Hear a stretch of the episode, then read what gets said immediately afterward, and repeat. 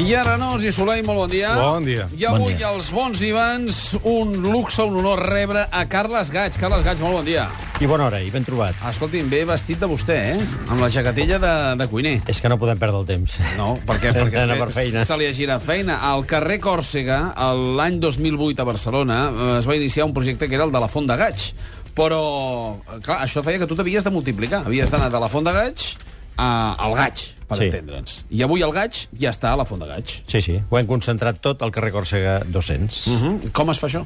Com molt bé diu el Pau Arenós, és gaig més gaig igual a gaig. Pues, ho hem concentrat tot en un espai únic. La Font havia estat un, una de les grans notícies eh, de, de, dels últims anys, amb una, amb una ocupació molt alta, amb una crítica molt bona i amb uns preus molt raonables, i al mateix temps la, el teu segell i la teva cuina ara també s'incorporarà aquí. La gent podrà menjar qualsevol de les dues coses? Sí, sí, sí. Bueno, el que hem eh, intentat, o el que estem intentant aconseguir, penso que anem pel bon camí, és de que tinguis l'absoluta llibertat amb una posta en escena de la taula Sí. del nivell del restaurant Gaig d'Estrella, Sí. doncs que puguis anar a menjar, si et ve de gust, doncs un capipota o uns peus de porc o uns macarrons del Cardenal, que són un dels clàssics nostres, no? Espectacular, els macarrons del Cardenal. Una molt bona proposta, Una, no? sí, vaig estar el dia de l'estrena, a més l'espai l'han adequat tot, és molt més còmode, molt més agradable, és de, amb seny, és un seny econòmic, el que adaptar els temps, el que estem, per exemple, pots menjar un restaurant, un restaurant com el seu, amb un menú de migdia de 28 euros, que clar, situa amb restaurants amb estrella Michelin un dels més barats del món, no? A un veure, preu ho- ho absolutament espectacular. Això, això seria el, el, so, Clar. el sector font de gaig, que Sí, sí, també sí. la tens allà, però si vols anar a l'alta cuina també la tens. Sí, sí, sí. Això us ha comportat problemes en la divisió de no, dels processos a la cuina? No, home, em porta el problema de que has de potenciar el que és el, el, la cuina, me'n refereixo als estris, als Sí, aparells, sí, sí.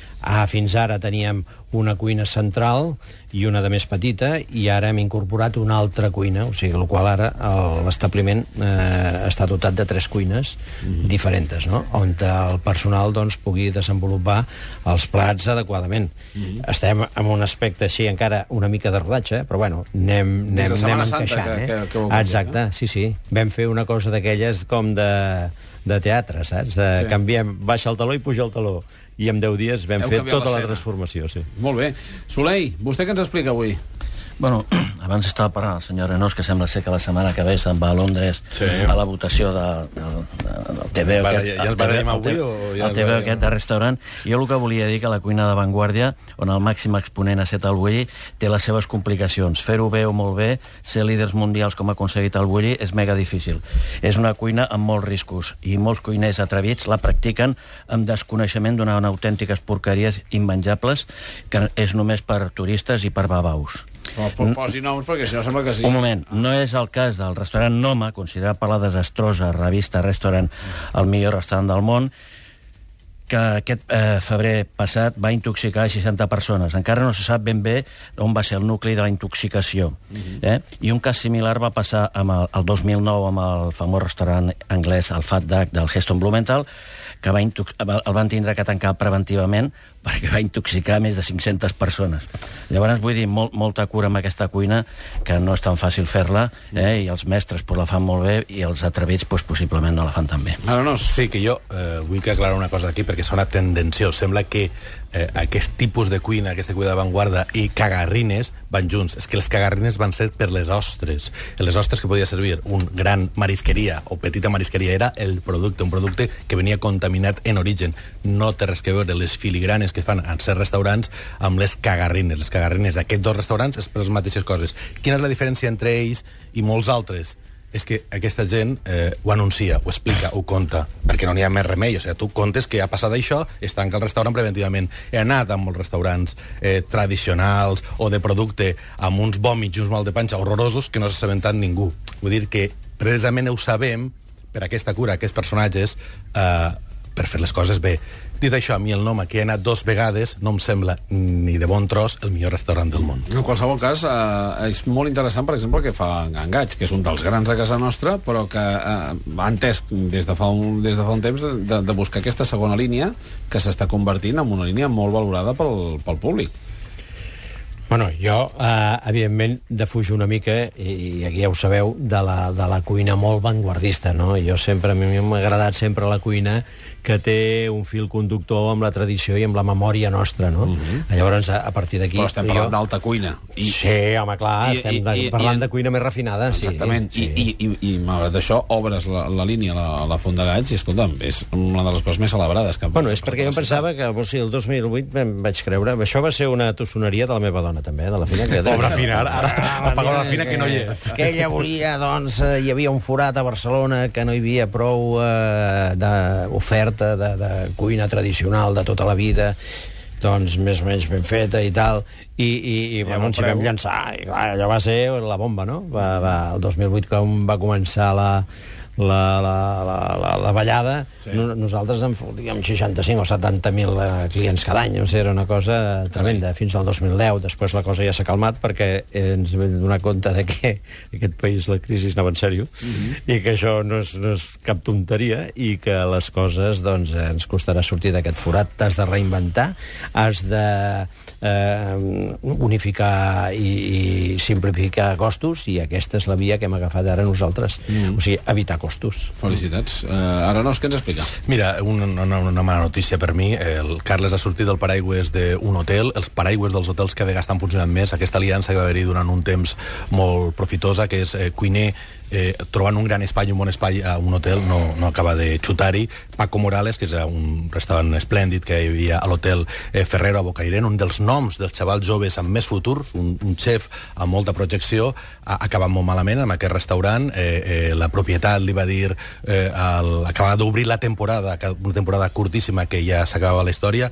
Aquesta és la versió d'ell. La versió de la propietat és una altra, diu que Paco se n'ha anat, o sigui, han acabat molt malament i és tancat aquest restaurant que té una estrella i el Paco estarà amb un projecte a Menorca i un altre duent a Múrcia i obrirà probablement a l'hivern al seu a Córdoba natal. És un nom d'aquests, Paco Morales, a tenir en compte i que la història d'anar eh, a forjar i buscar aliances amb hotels jo no crec que acabi, que tingui un futur molt, molt, molt llarg. Bueno, estem en plena temporada de les múrgoles, en castellà mm. Colmenilles. Pocs restaurants les treballen fresques, ja que el preu és elevat, i sembla ser que podria ser que no, que no fossin rentables. Es poden menjar les millors en, difer en diferents preparacions al restaurant popular, per mi més en forma de la ciutat, que és el restaurant Coura de l'Albert Ventura al passatge Marimón. Mm -hmm. uh, Arenós? Vaig estar-hi ara fa molt poc al Xunca, no hi havia tornat des de que el Coi Xunca, que és el gran, no? l'important, estava eh, funcionant, eh, i bueno, vaig trobar que el nivell no és tan Hideki i el front eh, siguessin molt elevat, menys per 40 euros nosaltres vam menjar per 40 euros mm, la meitat que l'altra casa molt taverna, molt soroll, molt moviment però plats eh, tan fantàstics com unes cocotxes de lluç arrebossades amb salsa de prunes o una esbargina amb flocs de bonítol o un sashimi que tonyina amb fulla de wasabi de wasabi i un pop amb salsa kimuchi o uns grans nigiris de ventresca. O sigui, que la gent dius, eh, pots trobar-hi aquest gran producte i aquesta gran elaboració i preparació sense estar el mestre Hideki, encara xunca al carrer Sagristan, número 5, molt a prop de la catedral. Soleil. Bueno, fa uns dies eh, vam fer un programa a la televisió parlant de l'escàndol de la car de cavall, que ja hem parlat aquí moltes vegades, i bueno, eh, tot això va vindre que havien aparegut a la Comunitat Econòmica Europea pues, una sèrie de, de preparats, cars, cars picades, hamburgueses, eh, farcits... Eh, que deien que eren de vedella i contenien carn de cavall. I, sí, que no, i no estava explicat que era la carn de cavall. Llavors hi va haver-hi la polèmica aquesta.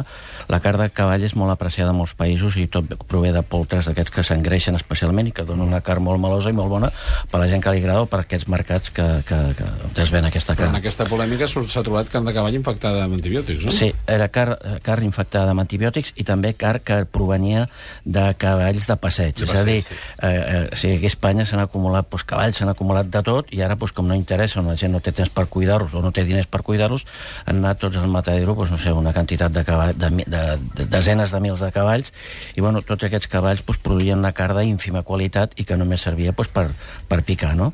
I llavors doncs, s'ha vengut a Espanya i ha anat a les diferents plantes de producció d'Europa que fan doncs, pues, aquest tipus d'hamburgueses guarrindongues, no? que són les que venen als supermercats que hem dit sempre, o els farcits d'aquests pues, els, pel, pels raviolis d'aquests tipus buitoni i totes aquestes coses que venen por ahí, no? I bueno, estem sempre amb lo de sempre que, que per guanyar diners pues, s'ha de donar porqueria a la gent. És molt bèstia, el cavallet. Posi un presumptament. El cavallet, el cavallet Pancho aquest que la gent anava allà muntat, pobre, acabat mm. trinxat. I clar, aquests altres animals d'engreix, bèsties, eh, poltres bons, guapos, feix de carn... Això com no una té res a veure, no té res a veure amb no això. Ja. Una cosa, sí, una cosa que no m'ha agradat va ser aquest eh, Sant Jordi. Eh, vam anar d'urgència a menjar a Cornèlia, eh, que és una botiga, restaurant. La, vaig trobar la racionalitat al preu molt alt. Vam pagar 71 euros eh, sense postres ni cafès, tres persones, plats amb quatre raviolets. Era correcte el menjar, no era espectacular, no feia mal, estava bé, però però em va semblar que va ser un abús, van tardar una hora de menjar, vaig entrar a la web i deien puedes comer en un plis plus, va ser més plus que plis, i després una cosa que no m'agrada gens, a les webs dels restaurants, a moltes webs no estan els preus de les coses. Jo després volia saber quan valia aquella hamburgueseta de vedella que vaig menjar-hi i no la vaig trobar el preu específic concret les webs dels restaurants per donar servei en tenir els preus, els preus, no s'ha d'ocultar res. No és allò que un, una persona ja està asseguda dient, paf, la carta. Eh, eh, no, pots, mm, a la gent que compta tant el cèntim que mira tant, saber on vas amb tota la informació. Mm -hmm. Uh, Soleil. Bueno, dic, fa uns mesos el racó de Can Faves eh, es va despedir el, el, el famós xef Xavier Pellicer, que de fet alguna vegada el que va aconseguir en el seu moment la tercera estrella pel, pel, Santi, Sant- pel desaparegut Santi Santa Maria i pel racó de Can Faves. Ara actualment han contractat eh, assessor a l'Ivan Solà, que era el segon de cuina del Xavier Pellicer en l'àbac, i han, i han incorporat un, un xef francès que es diu Jérôme Bondaz.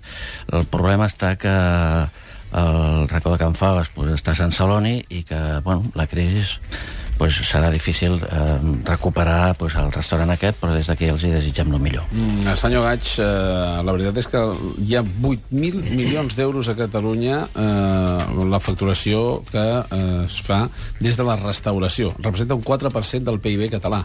És punta de llança i Barcelona també és una marca important. Sí. Eh, el sector mm, seguirà sent punta de llança o, o, o què és el que necessitaria? Mentre aguanti el turisme de curta estada, sí. Turisme de curta estada, eh? sí. Estem, a- aquí, Aquest és, és on, importantíssim. aquí és on tenim... Sobretot els vespres. Uh. -huh. Els vespres aquí, eh, principis de setmana, parlem dilluns, dimarts, dimecres -huh. i dijous, depèn de com, la gent li costa sortir una mica. Uh -huh. Llavors, el... i això ho notes quan ve el mes de gener, quan ve el mes de desembre, que hi ha davallada de turisme, doncs llavors es nota, eh, trobes a faltar aquestes taules. Uh -huh. uh, si ara ho hem centralitzat tot el carrer Còrsega, uh, també uh, t'has de multiplicar perquè a Andorra, uh, a, a l'Hermitage, part de la cuina és teva. Sí, sí, sí, Jovany. la del restaurant, sí, Sí, sí, el restaurant Arrels, que estem en, junt amb el Nando Jovany, doncs estem doncs, eh, eh, gestionant la, la, la, la millora de, de, de l'oferta que, que s'ha de donar allà, no? I jo començo ara al mes de juliol. Anem, bueno, juliol, al- més, més d'una vegada, la veritat és que es menja bé. Sens dubte, el, el millor i únic restaurant d'Andorra. Senyors, moltíssimes gràcies. A vosaltres.